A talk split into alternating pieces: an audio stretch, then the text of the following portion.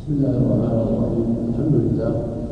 وصلى الله وسلم على رسول الله وعلى آله وأصحابه ومن اهتدى بهداه. أما بعد فقد سمعنا جميعا هذه المحاضرة القيمة التي تفضل بها صاحب الفضيلة الشيخ عبد العزيز بن إبراهيم بن عسكر في موضوع الشباب وما لاحظه عليهم. وقد أجاد وأفاد. جزاه الله خيرا. وزادنا وإياكم وإياه علما وهدى وتوفيقا. ونفع الجميع بما قال. لا شك أن بعض الشباب عليه ملاحظات.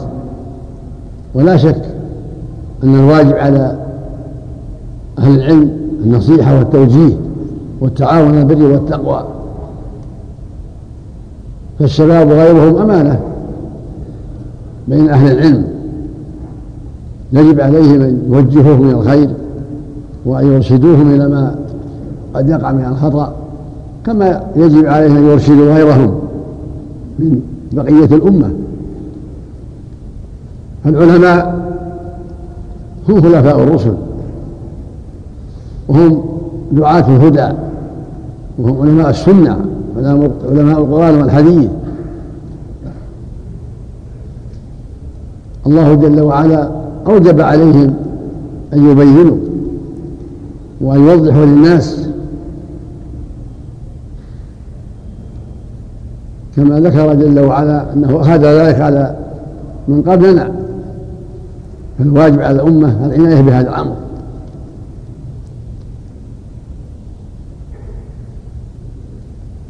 والإيضاح. وإن أخذ الله ميثاق الذين أوتوا الكتاب لتبينوا الناس ولا تكتمونه. وقال جل وعلا إن يكتمون ما أنزلنا من البينات والهدى من بعد ما بيناه للناس في الكتاب. أولئك يلعنهم الله ويلعنهم اللاعنون إلا الذين تابوا وأصلحوا وبينوا فأولئك أتوب عليهم وأنا التواب الرحيم. فالواجب على أهل العلم أن يبينوا وأن يرشدوا إلى الحق للشباب وغير الشباب للرجال والنساء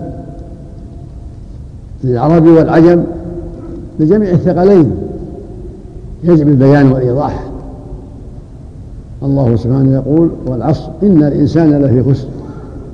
إلا الذين آمنوا وعملوا الصالحات وتواصوا بالحق وتواصوا بالصبر. ويقول سبحانه وتعاونوا على البر والتقوى.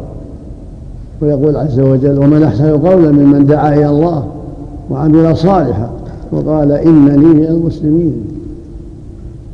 ويقول جل وعلا ادع إلى سبيل ربك بالحكمة والموعظة الحسنة وجادلهم بالتي هي أحسن. ويقول النبي صلى الله عليه وسلم في الحديث الصحيح من دل على خير فله مثل أجر فاعله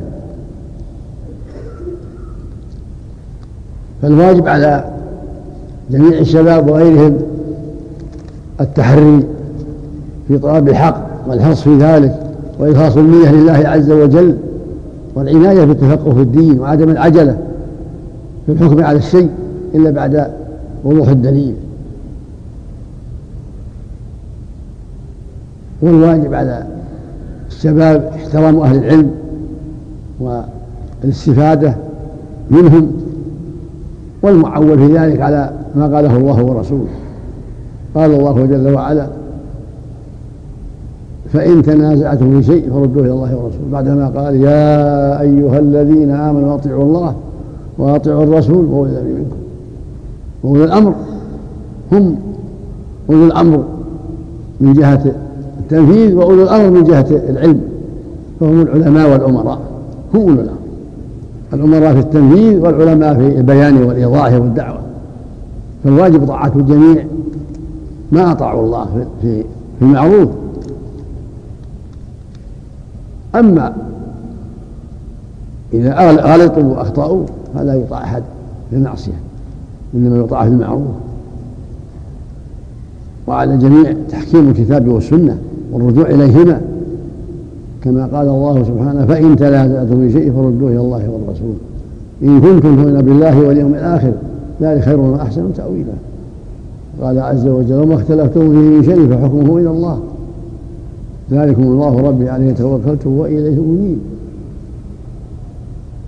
ويقول صلى الله عليه وسلم مثل ما بعثني الله به من الهدى والعلم كمثل غيث أصاب أرضا فكانت منها طائفة طيبة نقية قبلت الماء فأنبتت الكلأ والعشب الكثير. وكانت منها أجادب أمسكت الماء فنفع الله به الناس فشربوا وسقوا وزرعوا وأصاب طائفة أخرى إنما هي قيعان.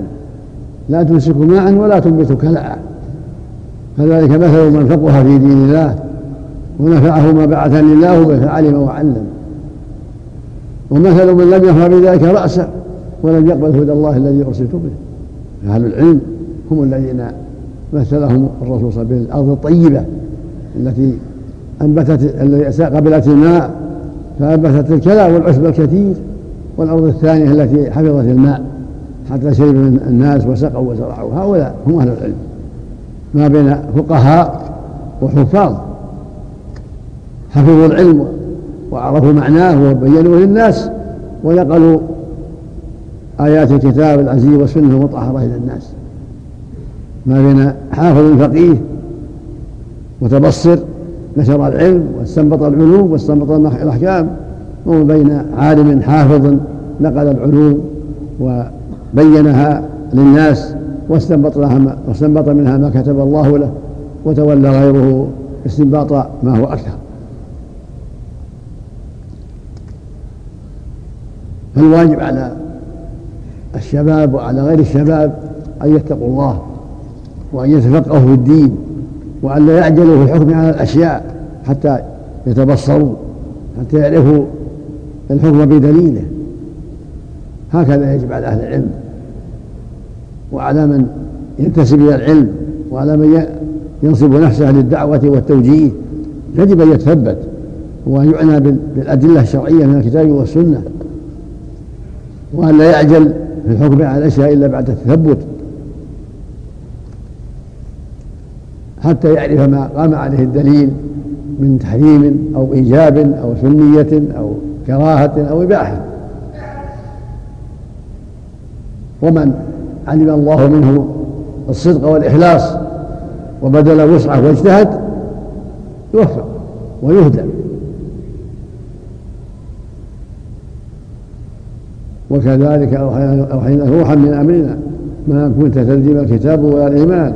ولكن جعلناه نورا نهدي به من نشاء من عبادنا وإنك لتهدي إلى صراط مستقيم. هذا العلم الذي جاء به الرسول صلى الله عليه وسلم روح ونور. يحصل به تحصل به الهداية والحياة والنور والبصيرة. فمن تلقى فيه وأعطاه العناية التامة وأخلص لله وصدق أعطاه الله من هذه الروح ومن هذا النور. بقدر ما قسم الله له بقدر اجتهاده وإخلاصه. فما جاء به الرسول روح ونور روح تحصل به الحياة ونور يحصل تحصل به البصيرة والعلم. ومتى صدق الشاب وغير الشاب في طلب الحق وأخلص لله واجتهد وتحرى الحق بدليله من الكتاب والسنة وفقه الله ويسر أمره. وعلى جميع الشباب وعلى أهل العلم التعاون في ذلك. فلا يبخل من لديه علم أن يبصر غيره من زملائه وغيرهم ويفرح أن يدل غير هذا خير وأن يرشده إلى خير. وعلى من أرشد وبين له الحق أن يقبل وأن لا يتكبر وأن يشكر من أرشده وأن يتواضع حتى يوفق للحق. فعلى أهل العلم أن يبينوا وعلى من جهل وغلط أن يقبل الحق وأن يتواضع وأن يعلم أنه كغيره عرضة للخطأ وعدم الإصابة. فليس معصوم من الخطأ إلا الرسل عليهم الصلاة والسلام. فيما يبلغون عن الله عز وجل. كما قال في حقه صلى الله عليه وسلم والنجم إذا هوى ما ضل صاحبه وما هوى وما ينطق عن الهوى إن هو إلا وحي يوحى. أما أنت يا عبد الله شيخا أو شابا فلست معصوما. بل تخطئ وتصيب كما أخطأ من قبلك وأصاب من قبلك. فالواجب التواضع والإخلاص لله والصدق في طلب العلم وطلب الفائدة من شيوخكم ومن غيرهم الإنسان يطلب العلم من شيخه وأستاذه ومن غيره من أهل العلم ويتحرى الأدلة ويجتهد ويخلص لله ويسأله سبحانه التوفيق والإعانة والتسديد وصلاح النية حتى يوفق وهذا كتاب الله فيه الهدى والنور. كتاب أنزلناه إليك مبارك ليدبروا آياته وليتذكر أولو الألباب. وهذا كتاب أنزلناه مبارك فاتبعوه واتقوا لعلكم ترحمون. وإنه لتنزيل رب العالمين نزل به الروح الأمين على قلبك لتكون من المنذرين بلسان عربي مبين. كتاب أنزلناه إليه لتخرج الناس من الظلمات إلى النور بإذن ربهم إلى صراط العزيز الحميد. فالهدى في هذا الكتاب العظيم. الهدى والنور والبصيرة والعلم في كتاب الله. وفيما صح من سنة رسول الله عليه الصلاة والسلام. وكل أحد يخطئ ويصيب. وكل أحد يفهم من قوله ويترك. إلا ما صح عن رسول الله عليه الصلاة والسلام فالواجب الاتباع. كما قال الله تعالى قل إن كنتم تحبون الله فاتبعون يحبكم الله ويغفر لكم ذنوبكم. وقال سبحانه من يطع الرسول فقد أطاع الله. قال سبحانه وأطيعوا الله وأطيعوا الرسول واحذروا. فإن توليتم فاعلموا أن على رسولنا البلاغ المبين عليه البلاغ والإيضاح. والهداية بيد الله جل وعلا هداية التوفيق والرضا بالحق وقبول هذا بيد الله جل وعلا. إنما بيد الرسل والعلماء الدلالة.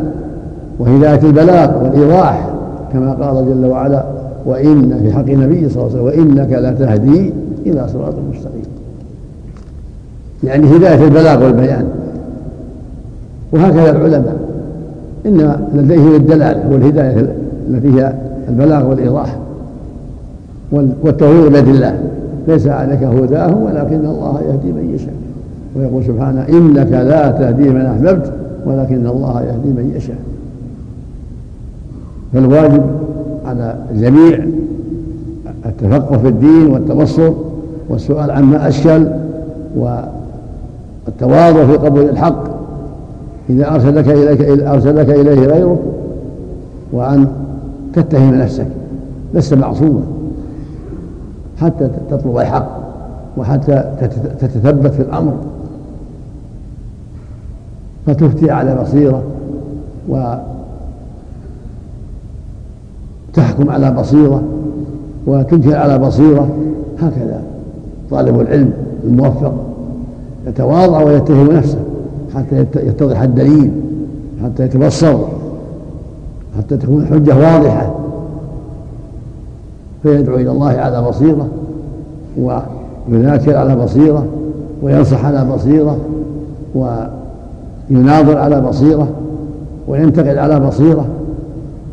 يرجو ثواب الله ويخشى عقاب الله. لا رياء ولا سمعة. ولا لطلب الشهرة والظهور أو أنه أعلم من فلان لا. ولكن لطلب لطلب الهداية للناس وإرشاد الناس وبراءة الذمة وطلب الأجر. فإن من دل على خير فله مثل أجر من دل على خير فله مثل أجر فاعل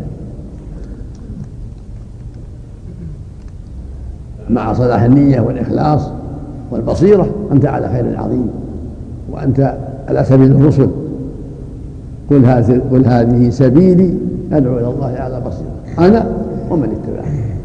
فإذا أردت الخير ودعوت إلى الله على بصيرة فأنت على طريق النبي صلى الله عليه وسلم وعلى سبيله وأنت من أتباعه في الحقيقة. متى صلحت النية وحصلت البصيرة فأنت على خير عظيم.